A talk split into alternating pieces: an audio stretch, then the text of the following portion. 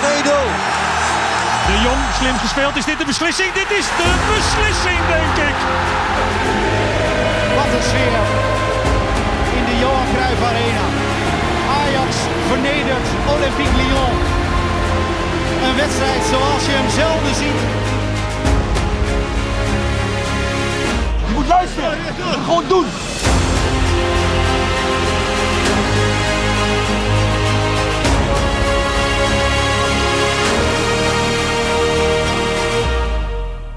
Welkom en leuk dat je er weer bij bent. Dit is de Ajax podcast voor en van Ajax supporters. Vlak onder de rook, zo noemen ze dat, van de Johan Cruijff Arena vanaf de redactie van Ajax Live. Daar zijn we weer met mijn uh, lieve Ajax vriendin. Lief maar hard als het moet. En dat hart met een T op de goede plaats. Uh, dit is Amber Roner. Amber, goedemiddag. Ja, goedemiddag Daniel. Welkom terug hier. Twee weken verder. Ik heb je gemist. Nou, ik jou ook. En we hebben veel te bespreken. Eerst even over de aankoop van de week. Want we hebben er een middenvelder bij. Ja, oh oh. Sherida. Oh, oh. oh, de echte aankoop. Onze record international. Ik denk, waar ga je beginnen? Ja, inderdaad, de aankoop van de week. Sherida Spitsen. Ik uh, ben helemaal blij. Ik ben ja, heel ik moest, benieuwd. ik moest aan je denken. Oh, wat fijn. Zij is weer terug in Nederland. Ze zat in Noorwegen natuurlijk. Ja, en ik heb het opgeschreven. Ik ga het gewoon proberen. Maar het is een naam die ik niet uit kan spreken, volgens mij. Um, volgens mij heet haar club Valerenga. Klinkt okay. dat een beetje Noors? Dat klinkt aardig Noors, ja. ze, mist haar, ze mist haar vrouw en, uh, en de kids. Ze keek naar buiten in Oslo en ze dacht, wat doe ik hier? En toen was de beslissing snel gemaakt. Ja, ze komt terug per 1 januari. Uh, vandaag aangesloten bij de Oranje Leeuwinnen in Zeist. Want die hebben nu een interlandperiode. Maar zij is dus echt de record international met meer dan 180 wedstrijden voor het Nederlands elftal. Ze maakte haar debuut toen ze 16 was. 14 welkom, jaar geleden. Welkom bij Ajax. Uh, we gaan het hebben over de jeugd bij Ajax. De jeugdopleiding van Ajax. Dat is een veelomvattend en inmiddels wereldberoemd instituut. De scouts van de jeugdopleiding zoeken naar talenten tussen de 8 en de 12 jaar. Zoeken in de regio Amsterdam en zes andere districten naar nieuwe pupillen. En uh, hoe dat precies allemaal zit en gaat, gaan we vandaag bespreken. Ajax voor de future dus, maar ook het verleden. Want ik zie hier in mijn draaiboek, let op, Maarten Baks en Pascal Heijen, Golden Boys, zijn in de studio. Dat uh, leest nogal dreigend, vooral dat uh, let op. Maar we zijn heel fijn dat ze er zijn. Wat is het verhaal? Uh, straks meer heren. Wel leuk, leuk Pascal en Maarten om jullie te zien. En welkom in de Ajax Live podcast. Dank je. Goed zo. Maar het gaat dus over de toekomst, het verleden, maar ook het heden. We spelen deze week Champions League. Ook over hebben op het lijstje gezet. Heracles nog even terugkijken. Misschien afgelopen zondag gewonnen. Allemaal even naar iets later, want we gaan nu eerst naar de telefoon. Want dan kunnen we het ook meteen over de praktijk hebben, Amber. Ja. Uh, met iemand die ook weet waar hij het over heeft. Hij heeft veel meegemaakt, ook in de jeugd van Ajax. Het is uh, Ricardo van Rijn. Ricardo, hallo. Hey, goedenavond. Goed dat je er bent. Ja, dankjewel. Dankjewel. Blij dat ik, uh, dat ik er welkom ben. Ja, hoe gaat het met je? Uh, ja, goed. Heel goed zelfs. Ik uh, ben toevallig vorige week, uh, vorige week maandag voor de tweede keer vader geworden. Dus we zitten in een, een hele gelukkige periode weer. Van harte gefeliciteerd. Ja. Dankjewel. Dankjewel. En je had al een, een leuke jongen, toch? Meek? Klopt. Ik had inderdaad al een, een jongetje, Meek. Die is van april 2019. En nu is vorige week maandag is, is Juna geboren. Nou, wat mooi. En hoe is het met je vrouw? Allemaal goed? Ja, het is allemaal, uh, allemaal goed gegaan. De bevalling was, uh, was heel voorspoedig. En uh, ja, alles is, is verlopen zoals we het vooraf had, had gewenst. Dus ja, dat is allemaal, allemaal goed en gelukkig afgelopen. Goed. En slaaploze nachten nu? En, en wat kortere nachten inderdaad. Ja, inderdaad. Mogen we jou even mee terugnemen naar 2002? Want dat was volgens mij het jaar dat jij naar Ajax kwam. Dat je werd opgenomen bij de B-junioren. Bij de D-junior, ja, klopt inderdaad. De onder 11 uh, tegenwoordig de tijd uh, uit mijn hoofd. Ja. En uh, ja, klopt. Dat was inderdaad na een, na een periode van, van, van stage lopen met, met verschillende gescoute jongens eigenlijk toen de tijd. En ja, uiteindelijk met, het, met het mooie bericht dat, ik, dat ik bij de jeugdopleiding mocht, mocht aansluiten. Ja, we gaan het vandaag ook veel hebben over de jeugd bij Ajax. De jonge jongens die uiteindelijk mm -hmm. met één doel spelen ooit naar die uh, Johan Cruijff Arena en daar op het veld. Ja. Wat weet jij nog ja. van die tijd? Je, je, zat volgens mij in een lichting die getraind wordt door Tim Ekkelenkamp, klopt dat? Nee, nee die Oh. heb ik niet, uh, die heb ik niet, uh, niet gehad vroeger. Ik, uh, ik ben zelf getraind door, door Brian Roy onder andere, Arnold Muren. Robin Pronk. En, en Frank de Boer ook in, in de A-junioren. Ja. Wat weet je nog van die tijd, Ricardo? Um, het, was, was een hele mooie tijd, moet ik zeggen hoor. Ik bedoel, uh, je sluit aan op het moment dat je nog uh, in, in, groep 7, groep 8 zit uh, uit, uit mijn hoofd. Dus dat is natuurlijk een vrij jonge leeftijd. En ja, je komt al heel snel in een, ja, in een, in een, een, mooie, een mooie omgeving terecht waarin, waarin het al op vroege leeftijd begint. En ja, de professionaliteit toen de tijd was ook al ja, van een hoog niveau. En uh, ja, goed, daar, daar wat je zegt, daar was iedereen, uh, iedereen bezig met het, uh, met het behalen van dat doel. het behalen van de, van de Johan Cruijff Arena. Ja. En je zat bij de B-junioren, werd meteen landskampioen. En ik, ik heb ergens gehoord en gelezen dat je de A2 allemaal heeft overgeslagen. Je ging meteen door naar de A1. ja, maar goed, dat was op zich niet zo heel bijzonder hoor, als ik dat een beetje mag nuanceren. Maar ja, dat klopt inderdaad. Je ging vaak dan van, de, van de onder 17, de B1, ging je, ging je door naar de onder 19, de A1 zeg maar. Ja. En, en Frank de Boer als trainer, dat heeft jou natuurlijk uh, wel geholpen om je te ontwikkelen als verdediger. Ja, zeker. Ja, absoluut. Uh, ja, Frank heeft natuurlijk zelf uh, schat en ervaring als voetballer en ja, inmiddels ook als trainer. Maar ja, die kon, die kon toen de tijd op, op zulke jonge leeftijd als, als jongens als ik, kon die, kon die heel, heel aardig wat, wat tips geven en zijn ervaringen zelf delen die, die, die hij had, eh, opge, opgenomen in, in Ajax 1. Ook in het buitenland natuurlijk, waarin hij veel, veel ervaring had opgedaan. Dus dat was een, ja, dat was een, een, mooie trainer om toen de tijd die leeftijd te, hebben. En zeker als verdediger zijn, denk ik. Ja, je maakte in 2011 ook je debuut in Ajax 1. Uh, je werd talent van het jaar. Hoe kijk je terug op dat moment dat je voor het eerst met de grote jongens op het veld staat? Ja, nee, dat, dat is gewoon natuurlijk een, een droom die uitkomt. En uh, ja, het, het, is vaak een, uh, een, een, periode die je wel een beetje ziet aankomen. In de zin van, uh, bij Ajax staat het ook onbekend natuurlijk dat, dat veel jonge jongens in een vroeg stadium al mee kunnen trainen. soms moeten invallen als, als er geblesseerd zijn, et cetera. Dus dan, dan, dan rijk je op een geleidelijke manier rijk je al aan, aan het grote werk natuurlijk. Maar ja, op het, in de zin van dat je voor het eerst echt bij een wedstrijdselectie of, of zelfs in de basis staat, ja, dat is natuurlijk van een heel andere orde. En, ja, goed, ik, ik kan me herinneren dat ik uh, toen de tijd gewoon boordevol zenuwen zat. En ja, goed, dat is denk ik normaal als je als, als jonge jongen uiteindelijk bij het eerste elftal mag aansluiten. Ja, en kan je ons nog even meenemen ook naar het moment dat je dan ja, die, drie keer het kampioenschap, de Johan Cruijffschaal, dat is echt een succesvolle periode onder trainer Frank de Boer. Hoe, hoe ja. was de dynamiek in, in die groep? Hoe ging je om met, je, met de andere jongens in het team? Uh, nou, ik denk dat ik uh, iemand ben die, uh, die goed met, met, met andere personen om kan gaan. Het, het is niet zo dat we toen de tijd uh, heel, heel erg kliekjes hadden of zo. En ik ben zelf ook de persoon die het ja, vrijwel makkelijk met, met, met heel veel jongens in een team kan vinden. Dus ja, zo bewoog ik me een beetje zelf door die, door die groep heen. En ja, goed, je zegt het zelf, het is een, een, een hele succesvolle tijd. Dus dan, dan is de sfeer altijd natuurlijk automatisch al goed, denk ik. En uh, ja, goed, dat was zeker in, dat, die periode was dat ook zeker het geval. Dus dat was ja, leuk om, om daar een onderdeel van uit te kunnen maken. Ja. Je luistert naar de Ice Live podcast met Amber Roner. Ik ben Daniel Dekker en we hebben Ricardo van Rijn aan de telefoon. Uh, ja, Ricardo, je, je carrière heeft daarna een hele andere wending genomen. Eerder dit jaar was je transfervrij weg bij Heerenveen. Uh, nu, ja. bij, nu bij FC Emmen, hè, contract tot volgend jaar. Uh, Klopt. Klopt het dat de trainer van Emmen je wel een beetje om moest praten? Had je eerst twijfels om daar te gaan voetballen eigenlijk?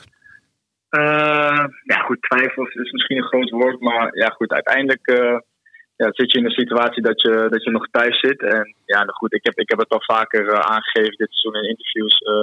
als je op, op 19-jarige leeftijd of 20-jarige leeftijd door mag breken bij Ajax en je kent een, een succesvolle periode ja, dan, dan zie je het niet op dat moment al voor je dat je een x aantal jaar later bij FC Emmen gaat voetballen. Met alle respect voor Emmen natuurlijk. Maar ja, dat is, dat is niet een pad wat, wat je voor ogen hebt. En ja, goed, op het moment dat, het, uh, dat de situatie daarna is, ja, dan, dan is dat wel iets waar je, waar je over, na moet, over na moet denken of, en, en over twijfelt. Maar ja. tegelijkertijd moet je ook wel gewoon realistisch zijn in het in hoe de situatie op, op dat moment voor jou is. En ja, goed, ik ben uiteindelijk heel blij dat ik, dat ik bij FCM een contract kon tekenen. weer op eredivisie niveau actief ben. En, en ja, veel wedstrijden gaat spelen. En dat was denk ik voor mij uiteindelijk ook de doorslag om, om daar te tekenen. Ja. Of ging je toch liever... Je hebt ook in België nog gevoetbald natuurlijk, bij Brugge. Klopt, ik één jaartje bij Brugge. Ja, en ik, ik begreep dat er ook wel wat belangstelling was in het buitenland, toch? je kon ook naar Turkije. Klopt, ja, er was inderdaad hier en daar wel wat, wat interesse. En ja, goed, maar ja, ik, ik zat natuurlijk ook uh, privé in, in, in situatie dat ik, uh, dat ik met een hoogzwangere vriendin zat. En ja, goed, ook dat neem je mee uiteindelijk in je beslissing. En uh, ja, dat, dat heeft ook mede voor gezorgd dat we ja, het liefst zo, zo dicht mogelijk in de buurt wilden voetballen. in, in Nederland of iets misschien wel om, omringende landen. En ja, daarin was ja, Turkije voor ons op dit moment dan niet, gaf ons niet het goede gevoel om, om die stap te maken met met, met het uitzicht dat, uh, dat er een kleine opkomst was. Dus vandaar dat we, ja, dat, we dat op dat moment niet uh, de keuze hadden gemaakt, zeg maar. Ja, snap ik. Ja. Ben, je, ben je inderdaad ook nog Ajaxiet in hart en nieren? Ja, ik denk het wel. Ik bedoel, als je vanaf je, als je tiende tot, uh, tot 4, 25 ja, voor Ajax hebt gespeeld, dan, dan kun je dat wel stellen. En ja, goed, dat, dat, dat, zal, dat zal altijd blijven en dat, dat, dat weet iedereen. En daar zal ik ook altijd, altijd voor uitkomen. Dat is, dat is geen straf. En ja, goed, dat, daar ben ik hartstikke trots op, op, die periode. En ja, die, dat, die koester ik ook en die, die neem ik graag voor altijd met me mee natuurlijk. Ja, en als je dan kijkt naar het elftal nu onder Ten Hag, als je kijkt vooral ook naar de jonge spelers die zo op het randje zitten van jong Ajax, het eerste elftal. Heb jij iemand op wie je extra let? Of waarvan je denkt, nou die kan het wel eens helemaal gaan maken? Uh, goed, ik denk dat er natuurlijk al heel veel jongens op de, op de deur kloppen die, die al heel regelmatig spelen. Uh, of zelfs al een basisplek hebben. Jongens als, als Gravenberg natuurlijk. Uh, het is natuurlijk ook gewoon heel interessant om te zien hoe zometeen jongens als, als, als Timber, Ekkelenkamp, of die, of die zometeen echt een stap gaan maken in, om zich in in de basiself te, te knokken. Of dat ze toch nog misschien een tussenstap nodig hebben. Ik bedoel, ik moet zeggen dat deze tijd uh, Ajax 1 uh, ja, toch heel anders is ook wel dan in mijn tijd. Ik denk dat uh, in mijn tijd misschien nog meer plek was voor de jeugd. Ondanks dat er nu ook natuurlijk heel veel jeugdspelers vanuit de jeugd doorgebroken zijn.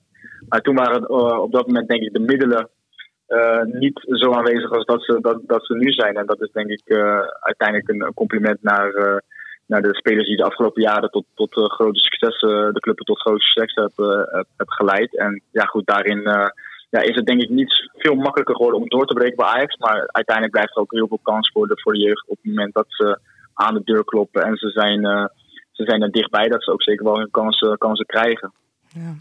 Je hebt een behoorlijke, uh, heel wat stappen toch gemaakt hoor in jouw carrière. Je zit er nog middenin bij Emmen. Volgende week zondag ja. uh, tref je Ajax. Waar, uh, als je terugkijkt op al deze jaren, de verschillende dingen die je hebt meegemaakt vanaf de jeugd tot nu, waar ben je het meeste trots op? Um, nou, ik denk dat uiteindelijk toch wel dat ik die, uiteindelijk de definitieve stap naar het eerste heb kunnen maken. Ik, uiteindelijk moet ik zeggen dat, dat mijn jeugdperiode bij Ajax heel heel vlot verliep, denk ik, tot, tot aan Jong Ajax. Op een gegeven moment speelde, ik, speelde ik in Jong Ajax en ja, speelde ik zelfs voor een tweede seizoen in Jong Ajax, wat, wat eigenlijk ongebruikelijk is.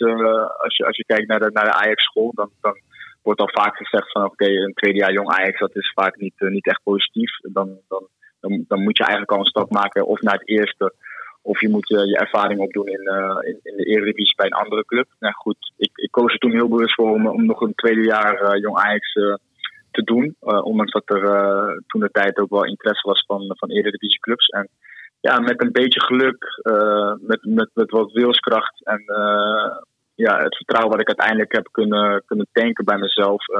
Ja, heb ik toch die, die stap gemaakt en die kans gekregen op het moment dat die zich voordeed. En ja, daar ben ik wel heel trots op. Dat ja, daarop volgend uh, een paar seizoenen ja, vast in de basis bij Ajax 1 uh, volgde.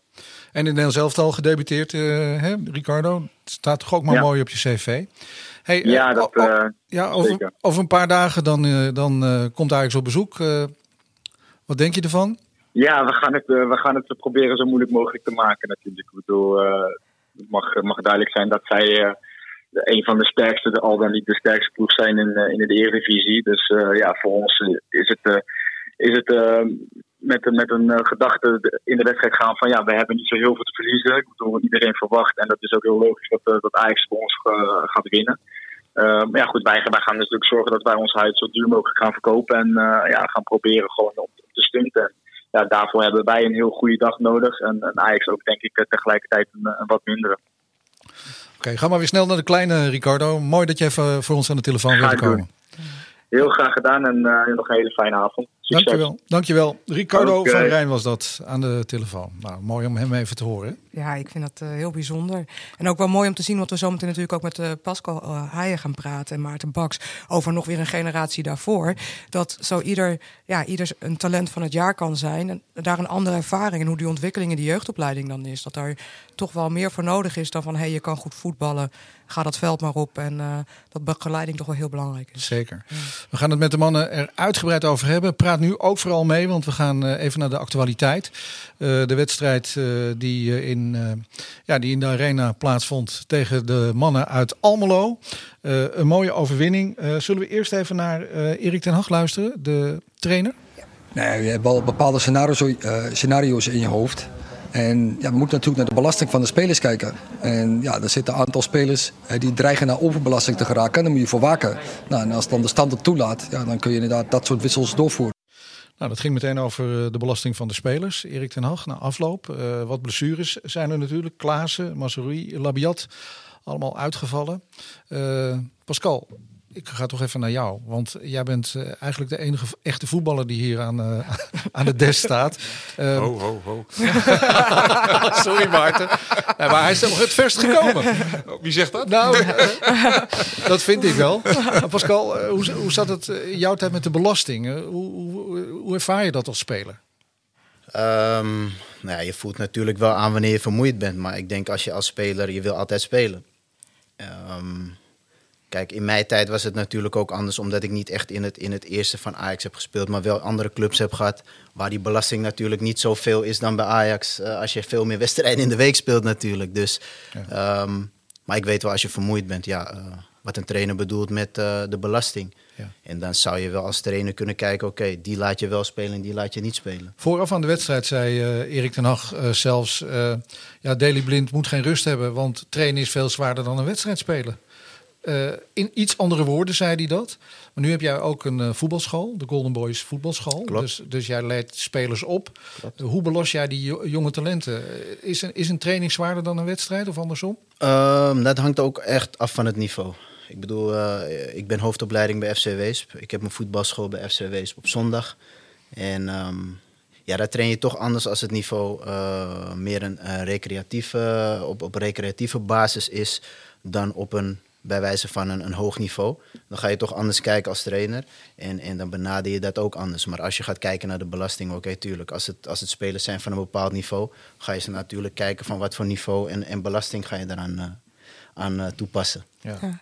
Als je kijkt nu, hè, want uh, er is op dit moment. Uh, ik vond Erik ten Hag trouwens nog netjes. Die zegt ja, het hoort er gewoon bij. We moeten blij zijn van spelen.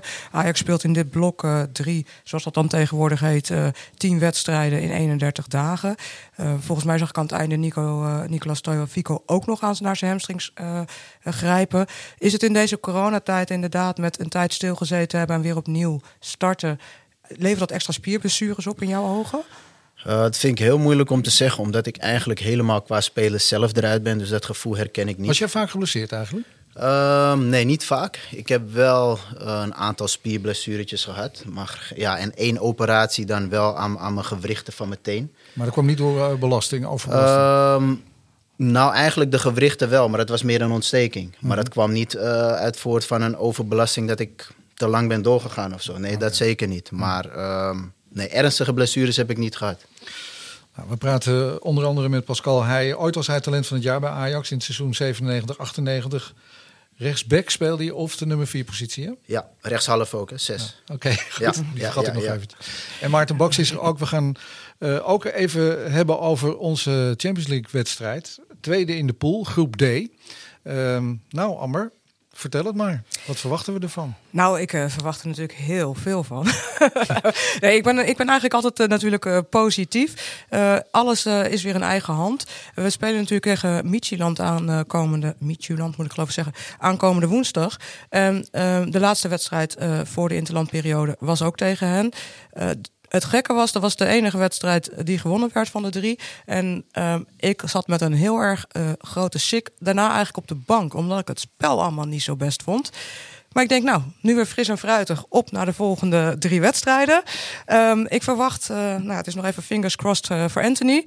Maar ja, ik verwacht dat ze toch hier in eigen huis, ook al is er geen publiek, dat Ajax gewoon even laat zien wat ze waard zijn.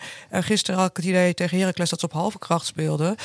het gaat er gewoon om. We staan tweede in de pool. Als we morgen winnen en Liverpool wint van Atalanta, hebben we alles in eigen hand en gaan we gewoon lekker overwinteren in de Champions League. Ik Wat zie, jullie mannen? Ik, ik zie Maarten Baks lachen. Uh, je bent het helemaal met Amber Nee, eens? helemaal. Ik Oh, dat is wel leuk dat er een keer iemand is die het helemaal met haar eens Oh, is. of wel. Oh ja.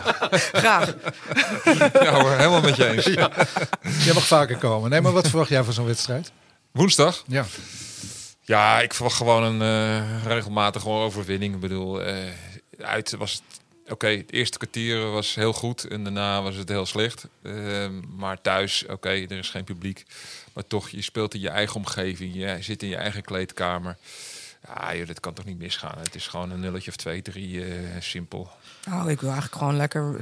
Nou, oké, ze mogen dan één keer scoren. Ik hoop gewoon op een 1-4. eh, voor 4-1 eigenlijk. Ja. Goed, nou En het voordeel is dat ze allemaal tegelijk kunnen binnenkomen nu. Hè. Vorige keer in drie etappes naar, de, naar Denemarken. En nu kunnen ze gewoon allemaal Ja, samen. ja, Ja. ja.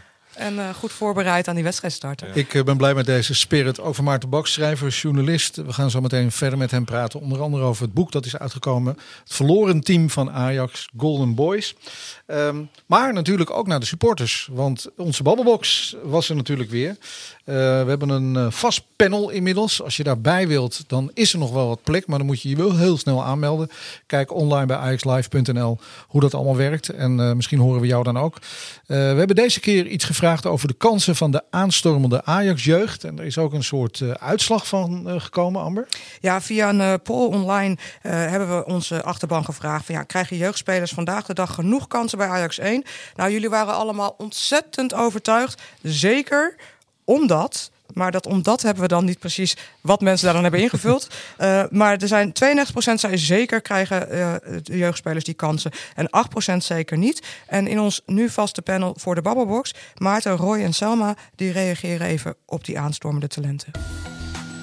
Ik denk dat de uitdaging veel meer ligt bij ons als fans. Want ja, we genieten allemaal van de momenten van bijvoorbeeld Riedewald. Die bij Roda uit als invaller twee keer scoort. En ons daarmee het winterkampioenschap en misschien wel uiteindelijk het kampioenschap op heeft geleverd. Eh, maar ik denk dat we vooral als fanatieke fans dan moeten zorgen dat op het moment dat zo'n jonge speler dan die kans krijgt. Dat wij er ook voor, eh, voor hem zijn. En, eh, en dat laatste zetje geven om, om die waardevolle speler voor Ajax 1 te worden. Natuurlijk willen we graag jeugd zien. En liefst zoveel mogelijk. Maar als ze er niet snel genoeg staan, direct dus, maken we ze ook falikant af. En dat is niet eerlijk. Dus ja, jeugd, maar niet te veel, niet te snel. Want het publiek is zo kritisch altijd. Kijk naar Schuurs.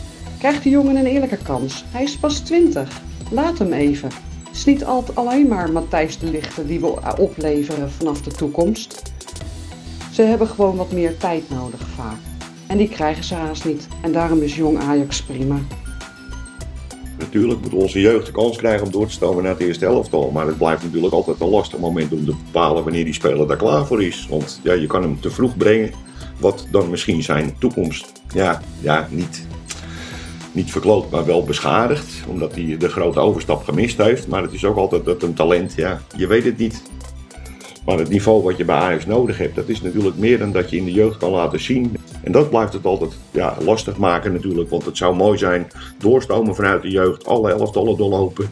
Succes hebben in Ajax 1 en dan eh, met een heel mooi gebaar afscheid nemen van de fans. En je carrière voortzetten bij een andere grote club. De Babbelbox van de Ice Live podcast. Je hoorde Maarten, Roy en Selma. Dank jullie wel. En wil je er ook bij in ons panel?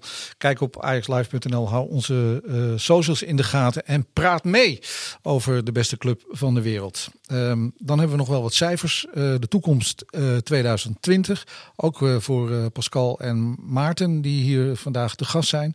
Afgelopen vijf jaar eh, maar liefst 86% van de Ajax jeugdspelers tussen de 17 en 21 jaar proefspeler geworden. Ajax levert de meeste spelers aan topcompetities. 22 spelers met een verleden bij Ajax zijn op dit moment actief in Engeland, Spanje, Italië, eh, Frankrijk of de Bundesliga. En allemaal op het eh, hoogste niveau. Ehm, dat zijn toch eh, fantastische cijfers. Eh, ik, ik verwacht niet dat er dan een deel 2 komt van jouw boek, Maarten.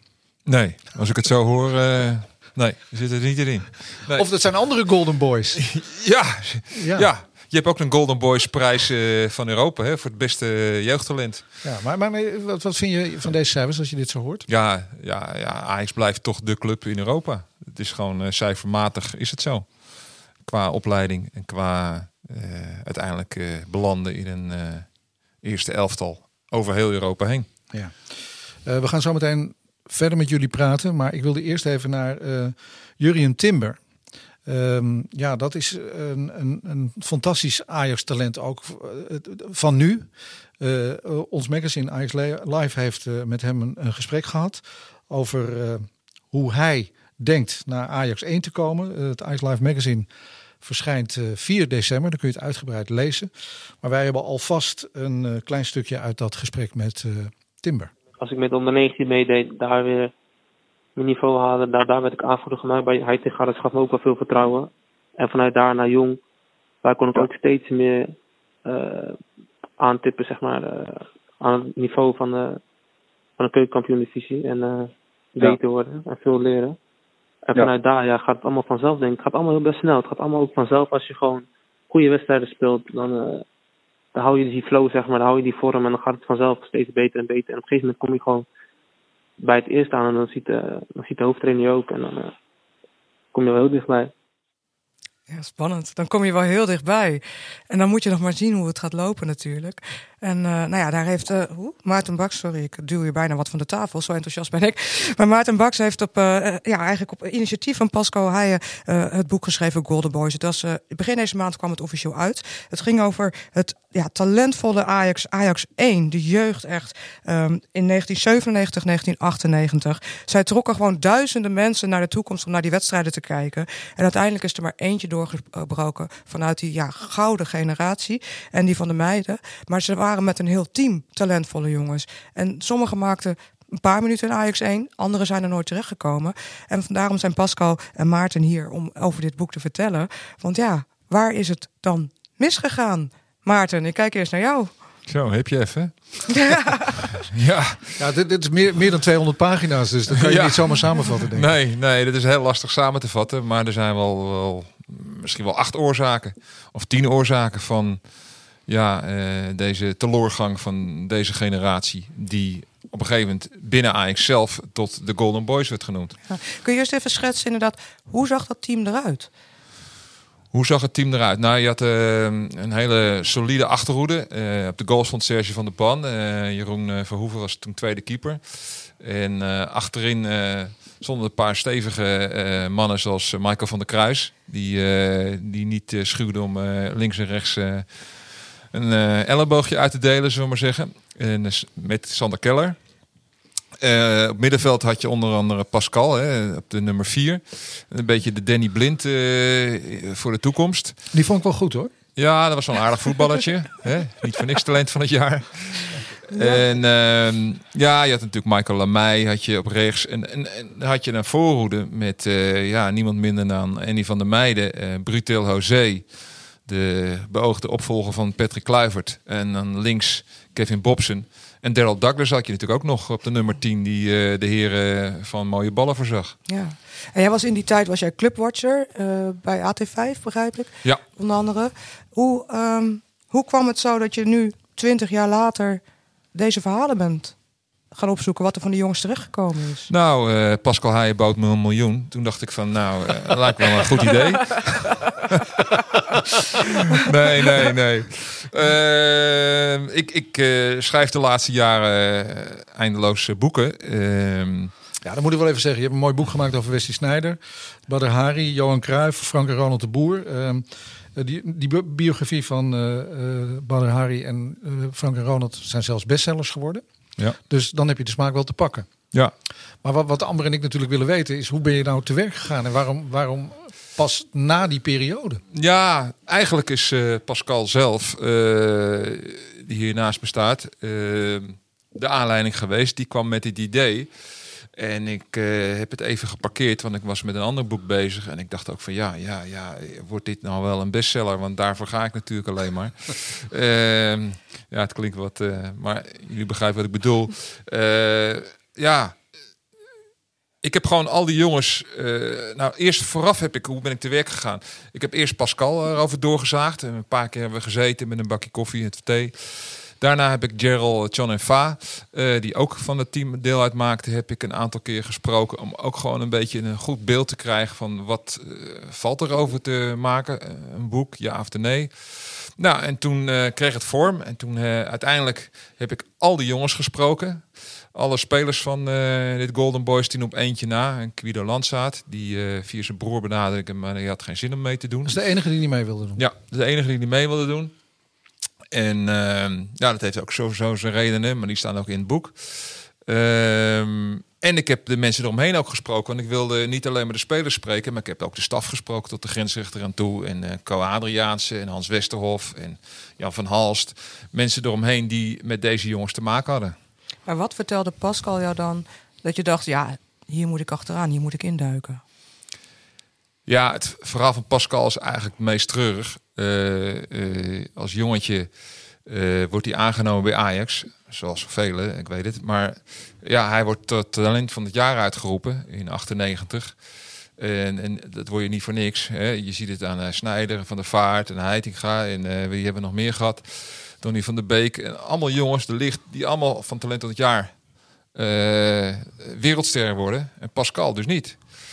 En die vertelde dus eh, het gevolg van zijn leven.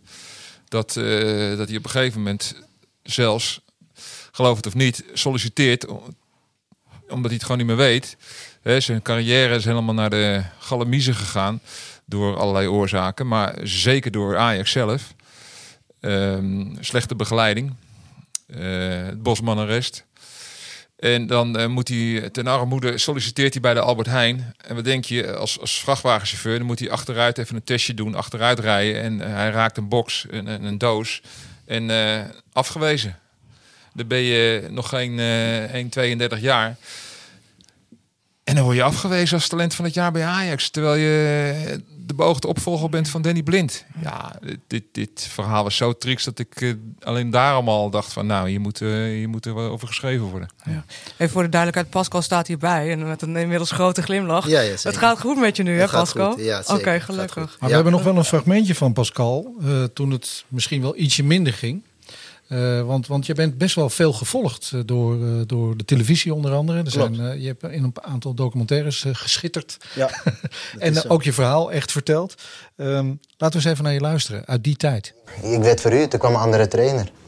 En eh, had ik een gesprek met Co Adriaanse. En toen zei hij van, eh, het is beter voor jouw ontwikkeling om verhuurd te worden. Want je hebt concurrenten zoals Aaron Winter en John Nieuwenburg.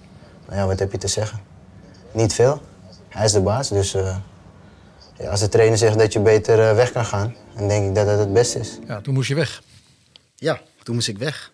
Tenminste, weg. Ik, ik had nog drie jaar, drie seizoenen. Dus eh, na mijn tweede seizoen ehm, ja, zouden we verhuurd worden, want het waren er nog een aantal. Zoals een Kevin Bobson, een Brutti José. Ehm Daryl Douglas, nou, noem ze maar op. Grote talenten die, die verhuurd moesten worden. En, en ja, daarin ga je toch naar ja, begeleiding. Hè? Wat ik zeg, eh, daar blijf ik op hameren. Zeg maar. Nu ook als trainer zijn, als hoofdopleiding.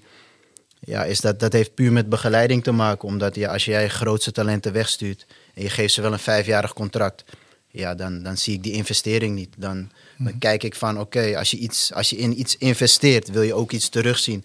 Eh, of kwaliteit sowieso, daar begint het. Voetballende kwaliteiten naar boven brengen. Of voor het eerste elftal, want je leidt ons op vanaf ons, in mijn geval mijn achtste. Dus dan neem ik aan, daar wil je wat mee. Maar zoals ik laatst ook zei eh, in een ander programma, zei ik ook van ik kan nu wel begrijpen waarom Adriaanse dat had gedaan.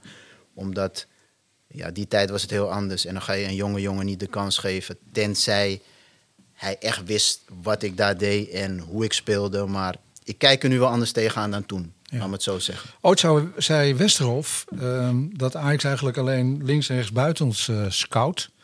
En eh, nooit verdedigers. Eh, het was diezelfde Co Adriaanse die zei, die maken we zelf wel. Eh, in, in jouw geval liep dat dus heel anders. Klopt. Want eigenlijk zei hij tegen jou, nou, ga maar. Maar kun je, kun je, ik bedoel, het gaat nu heel goed met je, dus daarom kunnen we het er ook over hebben. Zeker. Jij hoort zoiets, dan ga je naar huis en dan, wat gebeurt er? Ehm, Dat weet ik niet eens meer. Ik, was, ik weet alleen dat ik in een, in een, eh, in een schok zat, in, in een shock gewoon. Ik, ik, ik ja, eh, pijn, verdriet, ehm, in de war eigenlijk, omdat je het helemaal niet verwachtte. Je gaat daar naartoe als, als talent van het jaar en eh, je zit bij het eerste onder Westerhof. En, en dan kom je vanuit zo'n gesprek. En mijn vader was, was woedend eigenlijk. Die stond ook op tijdens dat gesprek en, en die zei van, ja, ehm, ja dit, dit snappen wij niet. Waar komt dit vandaan? En dat weet ik nog wel, maar bewust kan ik je nu niet zeggen van... Ik kan alleen maar zeggen, het voelde niet best. Laat me dat zo zeggen. Ja. Ja. Ja, duidelijk. Eh, eh, Ja, Amber, ja, ik wilde namelijk even naar Maarten, want ik heb in het boek ook gelezen. Er was in die tijd wel begeleiding van bijvoorbeeld een psycholoog. Die, ehm, die zich met, eh, met deze jongens bemoeide in die tijd. Die jongens wilden ook meer respect. Dat hoor je nu natuurlijk nog veel meer dan toen. Eh, maar het heeft natuurlijk, eh, zonder nu Pascal af te vallen, maar het heeft ook eh, met instelling te maken, los van talent. Weet je, ik, ik las bijvoorbeeld in je boek dat er een hoop jongens ook wel hun eigen issues hadden. Ja. Hoe, nou, ik hoorde een vriendinnetje, die jongen die op zijn 16e vader wordt. Ja, Brutillo José. Ja, bijvoorbeeld. ehm, gevlucht zonder ouders uit hun geboorteland. 15, 15-jarige jongen met littekens op zijn rug. Alfa Touray. Ja, uit Sierra Leone. Dus Ja. weet je, tuurlijk, eh, d- dat heeft er allemaal mee te maken, toch? Met hoe je ontwikkelt. Ja, ja, ja. Ja, dat had je met een aantal van die jongens. Eh Alfred Rij, Kevin Bobson. Zeer bescheiden jongen. Eh, ik heb hem menigmaal geïnterviewd in die tijd. En ja, die stond gewoon trillend als een rietje voor eh, de microfoon, weet je wel. Hij, was gewoon ontzettend bescheiden jongen die, die eh, niet die, eh, die flair had die je eigenlijk bij Ajax nodig hebt. Terwijl die wel bij de A1, zoals het toen heette, iedereen helemaal dol draaide. Van de tegenpartij dan natuurlijk. En iedereen die kwam voor hem naar, het, naar de toekomst. Het was een fantastische voetballer. Maar ja, tussen zijn oortjes zat het toch niet helemaal lekker. En eh Brutil eh, noemde je net. Nou ja, die was op zijn 16 al vader. Die, eh, die ging behoorlijk naar zijn schoenen lopen, dat durf ik wel te zeggen, toen hij dat contract kreeg bij de A1. En dat was ook een verkeerde inschatting van Ajax. De kregen in de winterstop kregen er een stuk of vier een contract, waaronder Brutiel. En ehm, ja, die kregen gelijk ook erachteraan van Adidas en Nike allerlei schoenen aangeboden tot de doos aan toe. Ze konden hun eigen huis niet, niet eens meer in, eh, omdat die doos tot het plafond eh, stonden opgesteld. Ja, het was, het was eh, helemaal, helemaal foute inschatting van Ajax. Want wat gebeurde er? Je kreeg een soort van tweedeling in het team.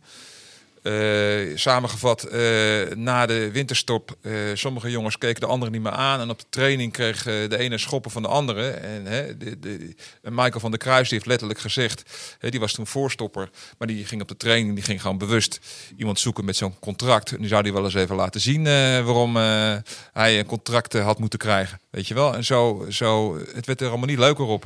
Nee, het is maar- goed dat ze snel kampioen werden in februari, anders was het een heel lang seizoen geweest. Maar, maar maar Pascal, jij liep op dat veld. Jullie waren succesvol. Hoe heb jij dit ervaren op dat moment? Nou, niet zo.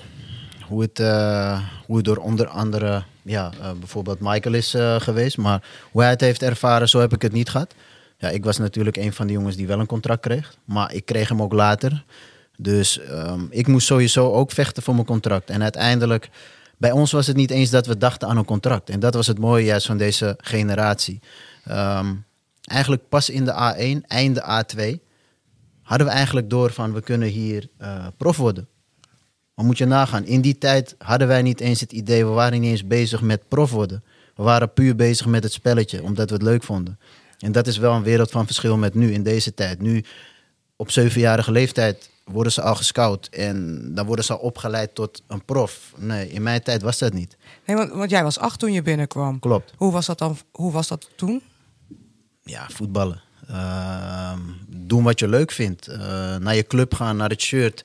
Wat jij het prachtigste shirt van de wereld vindt. Eh, daarvoor ben ik ook naar Ajax gegaan. Ik vond het shirt van Kappa, ze hadden Kappa toen de tijd, dat weet ik nog. Ja. Vond ik prachtig. Ik zei tegen mijn vader, bij die club wil ik spelen, papa. En, en, en daar speelde ik toen ook. En toen kreeg ze Umbro. Eh, was ook mooi. Maar voor het shirt van Kappa, toen wilde ik naar Ajax. Dat weet ik nog. En, de- en dat is gewoon puur het shirt. Dus dan kan je al zien van... Het is niet omdat je prof wil worden, het is gewoon het shirt. eh, de uitstraling, eh, de liefde voor de club. Ehm, dat was het puur bij mij, als je me dat vraagt. Puur. Maar ik hoor Ja. in je stem dat je dat nog steeds wel hebt. Dat Ajax toch ook wel jouw club is. Nog steeds. En dat blijft het ook sowieso. Ehm, dan heb ik het weer over het shirt, de kleuren. Ja. Ehm, de uitstraling. Gewoon Ajax is Ajax. Als je al, als je al bij de club bent, voel je het gewoon. Dan, dan, ja, dat is een gevoel. Dat, dat kan je moeilijk aan mensen uitleggen die dat niet hebben. Ik denk dat jullie dat ook wel ervaren. Eh, dat je gewoon bij een club zit die eh, heel mooi is en, en heel speciaal. En, en de beste opleiding heeft die, die er is. En eh, kijk, we praten nu over, over bepaalde dingen die negatief zijn geweest. Maar ik kan alleen maar Ajax dankbaar zijn. Eh, voor, de, voor de opleiding, voor de ervaringen, voor eh, de discipline die ik heb gehad. Onder andere ook van Adriaanse. Ehm, die man heeft me die discipline geleerd. Of het nou eh, ehm, soms in een negatieve zin is of positief. Maar ik heb er wat van geleerd. En daarom sta ik hier als een man en kan ik mijn verhaal doen. Ehm, het is mooi dat je dit toch zegt. We luisteren naar Pascal Heijen, ooit talent van het jaar, seizoen 97-98. Je hebt totaal twee wedstrijden voor Ajax gespeeld. Klopt. Ehm, in het jaar 2000 viel je in voor Aaron Winter in de wedstrijd tegen NEC. En eh, je bent nog op Cyprus geweest, ook om te voetballen. Hè? Ik ben nog op Cyprus geweest. Hoe- Eh, wat was dat voor avontuur? Hoe lang ben je daar nou, hou op joh. Ik, ik, ik, zat- ik zat met die voorzitter zelfs eh, aan tafel om, om zaken te doen om contract te ontbinden. Want ze betaalden mijn salaris niet. Na twee Nou ja, weken. daar hadden ze aan, aan mij verkeerde. Ehm, want ja, ik bleef gewoon zitten. Ik zeg, nou ja, jullie gaan maar iemand halen om mij uit deze stoel te halen. Want eh, ik kom uit Nederland. En wij hebben gewoon regels.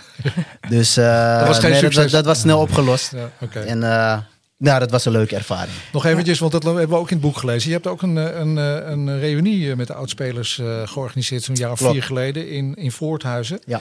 Dat vond jij heel belangrijk. Hè? Je, hebt, je hebt er echt naartoe geleefd. Ja, Waar- nou ja. Waarom is dat? Ja, nou ja, Maarten kan het gevoel wel. Nou ja, hoe was die dag, Maarten? Je weet zelf hoe die dag was. Hoeveel spelers waren er? Ik weet het niet eens. Eh, Fantastisch. Ja. het was ontzettend gezellig. Voor jullie natuurlijk Ja. één grote reunie.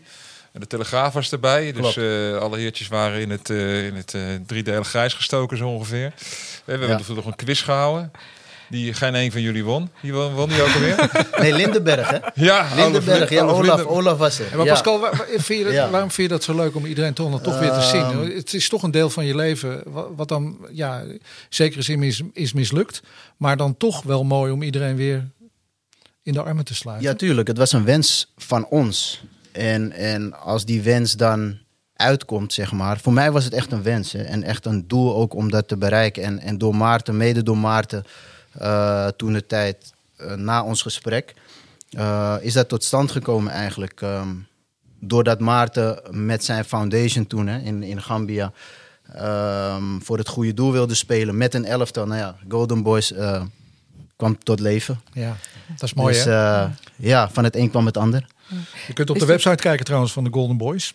Eh, ik heb dat even gedaan, want er zijn allemaal spelers vanaf vijf jaar die zich bij jou kunnen aanmelden. Klopt. En dan eh, worden ze gedrild. Ja, nou ja, ik, nou ja daar, zo ben ik wel hoor. Het is meer, en dat zeg ik ook weer, dat is toch weer de Ajax-school. Eh, wat ik meeneem in mijn eigen carrière als trainer nu. Oké. En, en als hoofdopleiding, waar ik, waar ik nog veel kan leren, ook van, van Co Adriaanse. Dat heb ik hem ook laatst gezegd bij de, bij de boekoverhandiging.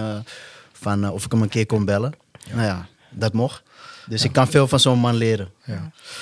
Ja, ik wil het toch ook nog wel even weten, Pascal. Want je, bent nu, je kwam hier net binnen. We stonden heel even te praten voor de uitzending. Dat ik denk, oh, je, hebt, eh, je kan er nu heel eh, realistisch op terugkijken. Je bent heel dankbaar, zeg je. Klopt. Maar ik kan me voorstellen dat je ook een moment hebt gehad dat je dus heel boos was. Het heeft echt jouw leven op de kop gezet. Ja. Wat, is er iets wat je iemand of de club Ajax kwalijk neemt? Ehm, nou, kwalijk nemen, niet echt. Het is meer eigenlijk de aandacht die ontbrak. Kijk, en dat is weer terugkomt op het contract wat je ons geeft, vijf jaar. Dan neem ik aan, de kenners geven ons dat contract. Dus dan neem ik aan dat je plannen hebt met ons.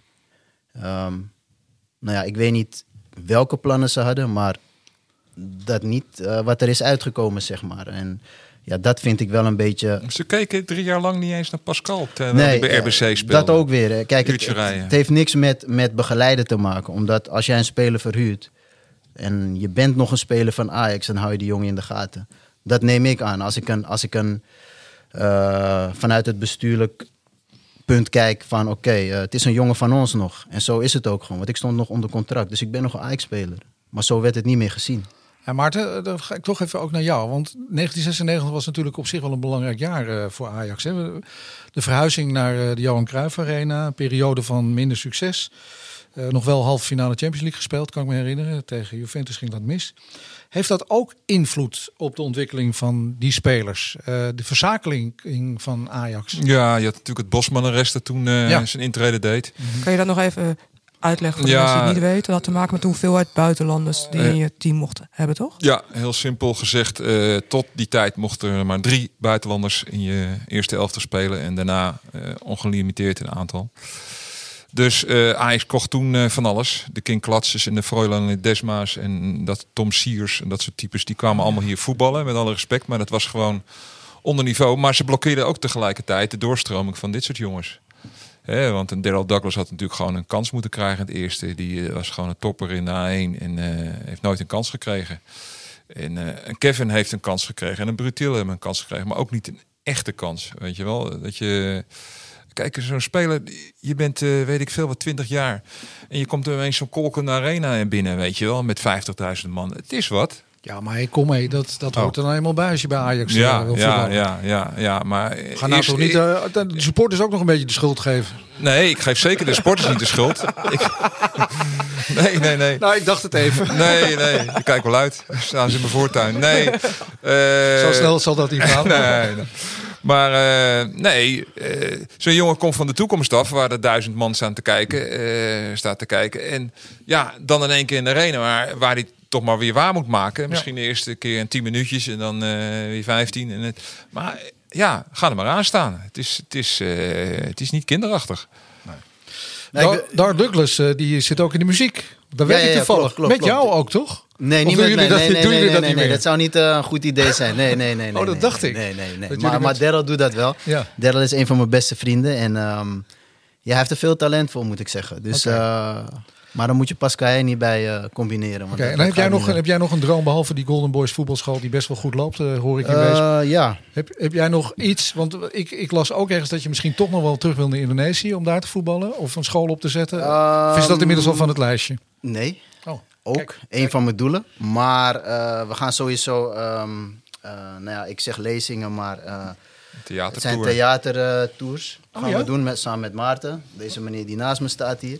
dus ik zie hem al bijna elke dag nu. Dus dat, ik zei al net, het, wordt, het moet niet gekker worden dat ik deze man elke dag zie.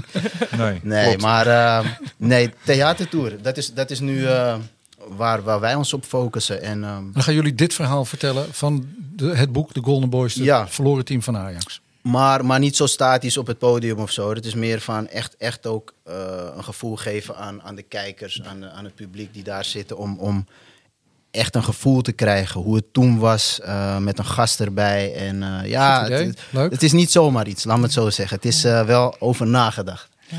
Nou, daar gaan we jullie heel veel succes mee wensen. Want uh, ik, ik vond jullie uh, fantastische gasten. Of had je nog iets toe te voegen, Amber? Nou, ik ben alleen nog benieuwd inderdaad. Want ik, ik vind het heel mooi. Je, je gaf zelf ook aan, Pascal, uh, dat het boek ook voor jou een afsluiting was van de periode. Klopt. Een nieuwe start. Jullie gaan theater in. Het gaat lekker op de voetbalschool. Als je dan terugkijkt, want het, de verdrietige dingen in het leven vormen je ook. Ja. Wat is de grootste les? Wat heeft het je gegeven? Um, wat heeft het mij gegeven?